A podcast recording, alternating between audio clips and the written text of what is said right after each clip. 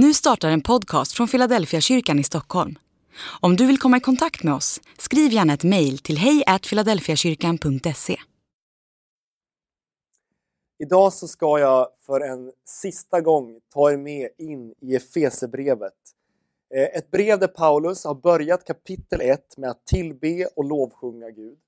Och där han genom alla kapitel och speciellt de första tre vid olika tillfällen återkommer till bönen. Han undervisar, han ber, han undervisar, han lovsjunger, han undervisar, han tillber Gud. Bön, bön, bön på olika sätt invävt i det han talar om. Och där till slut i sitt brev, när man kommer fram till kapitel 6, så märker man hur Paulus talar dels om vår situation i den här världen. Han talar om uppdraget som kyrkan har fått att dela med sig av de goda nyheterna om Guds kärlek i och genom Jesus Kristus. Och i någon mening så talar han återigen om bönen och om vad bönen betyder för den där situationen och för det där uppdraget. Och jag tänkte ta er med till två stycken stycken i det sista kapitlet, kapitel 6 i Efesebrevet. Och så ska vi se lite grann vad Paulus säger där om vår situation, om vårt uppdrag och om bönens plats i allt det där. Vi går till Efesierbrevet 6, vers 10-11 och sen kommer jag hoppa fram till vers 18-20. Eh, men kommer också nämna några verser däremellan lite friare. Men vi börjar med 10-11, sen 18-20.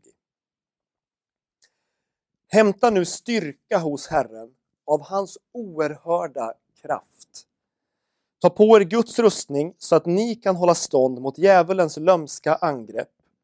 Ty det är inte mot varelser av kött och blod vi har att kämpa, utan mot härskarna, mot makterna, mot herrarna, över denna mörkrets värld, mot ondskans andekrafter i himlarymderna. Och så går vi fram till vers 18. Gör det under åkallan och bön och be i er ande varje stund. Därför ska ni hålla er vakna och aldrig tröttna i er bön för, för alla de heliga. Be också för mig, säger Paulus, att orden läggs i min mun och att jag talar frimodigt när jag bär fram hemligheten i evangeliet, vars sändebud jag är i min fångenskap. Be att jag förkunnar det så frimodigt som jag bör. Det första som Paulus alltså påminner oss om och sina läsare då och även sina läsare nu om eh, i den här avslutande delen av, delen av sitt brev. Det är om den verklighet som vi verkar i, lever i och försöker utföra uppdraget vi fick av Jesus i. Och det Paulus verkar poängtera och säga det är att bakom det vi kan se av ondska i den här världen, bakom det vi kan se av orättvisor och, och fel, felaktigheter och sånt som inte är rätt i den här världen, så finns det någonstans en rot, en ond makt som försöker påverka oss, slita sär och riva itu.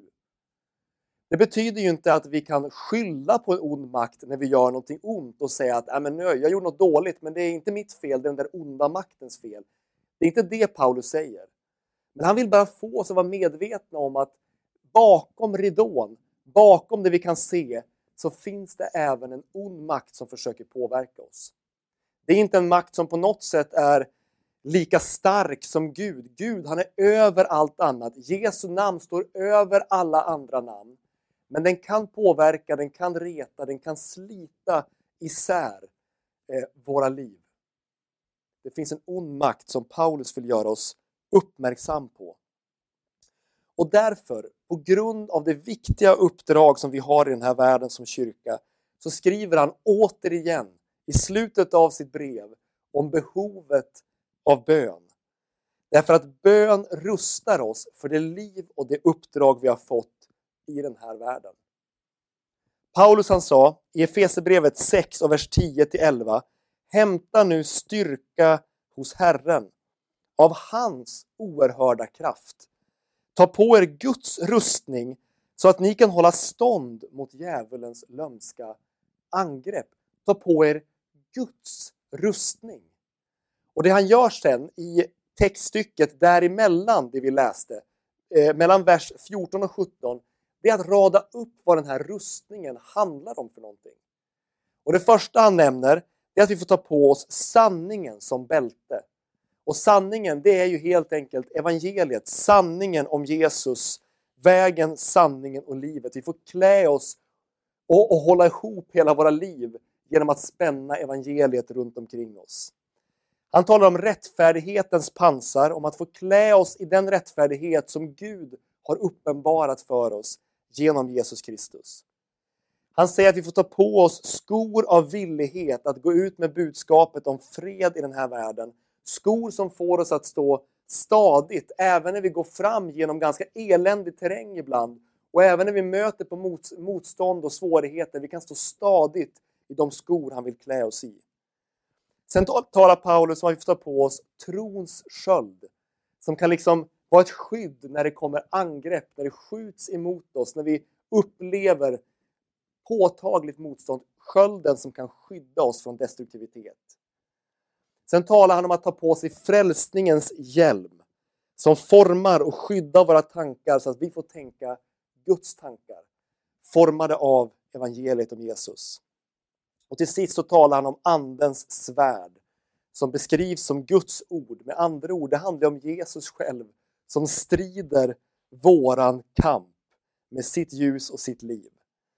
Eh, och alla de här delarna som han lyfter fram är ju någon mening tänkta att vara ett beskydd runt omkring oss. Det är ett beskydd som Gud vill klä oss i.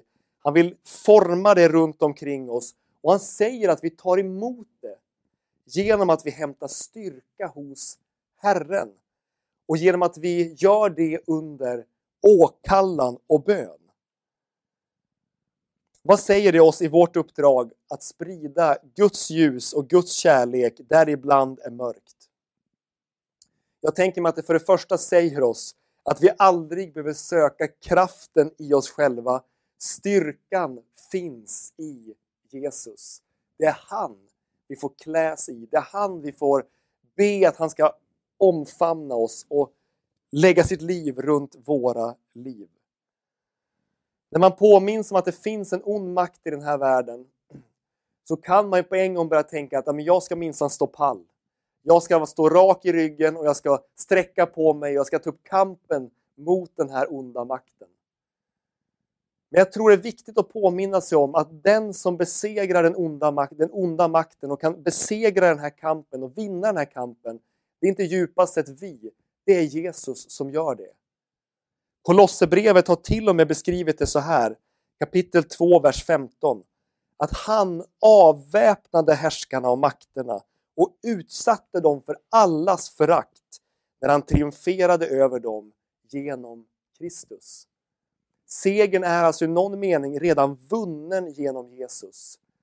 Än så länge kan de här onda makterna försöka att påverka oss, reta oss, försöka utmana oss och slita oss isär. Men segern är egentligen vunnen i Jesus Kristus och vi kan få kläs i den segern. Eh, och vi får kläs i den genom bön och åkallan och genom uthållighet i bönen. Paulus sa ju också be i er ande varje stund.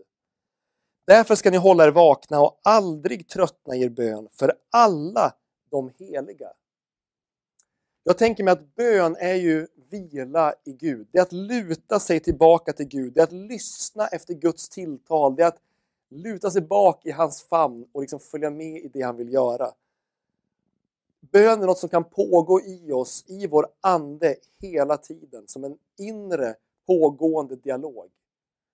Men precis som en präst och teolog som heter N.T. Wright har sagt, så är bön också hårt arbete. Paulus han använde ord som att hålla sig vaken och att aldrig tröttna när han talar om bönen. Och speciellt bönen för varandra och för det uppdrag som vi står i mitt i den här världen. Det han egentligen trycker på det är ju att stå fast i en uthållig bön. Uthållighet är det som behövs om man ska kunna bygga någonting, vad det än är. Ska man bygga goda relationer så behövs ett visst mått av uthållighet. Ska man bygga ett, ett äktenskap så behövs ett visst mått av uthållighet. Ska man kunna bygga någonting praktiskt så behövs uthållighet. Men även i det här uppdraget så är det som att Paulus påminner oss om att det behövs någon form av uthållighet. Ge inte upp. Fortsätt att närma dig Jesus och ta emot det han vill ge till dig och det han vill klä dig i. Så att vi kan förbli rustade och leva i det uppdrag han har gett oss i den här världen. Paulus han verkar ha den uppfattningen att bönen i någon mening är grunden för all vår tjänst i den här världen. Han säger till och med om sig själv. Be också för mig att orden läggs i min mun och att jag talar frimodigt när jag bär fram hemligheten i evangeliet. Vars sändebud jag är i min fångenskap, be att jag förkunnar det så frimodigt som jag bör. Paulus lyfter fram att han är i stort behov av förbön. Ska han kunna liksom hitta rätt väg, kunna vara skärpt i tanken, kunna dela med sig av det han ska dela med sig av, så ber han om församlingens förbön. Be för mig. Och jag tänker mig att alla som någon gång har försökt sig på att dela med sig av sin tro på Jesus till någon som inte delar den tron till exempel, vet att man uppskattar att någon ber, att någon lyfter upp det inför Gud, därför att då kan någonting verkligen hända på djupet. När vi ber så öppnar Gud möjligheter. När vi ber så öppnar Gud upp dörrar. Och det Paulus verkar göra här i avslutningen av sitt brev verkar vara att påminna oss om vad vi står i för situation, vilket uppdrag vi står i mitt i den här världen och mitt i den här situationen.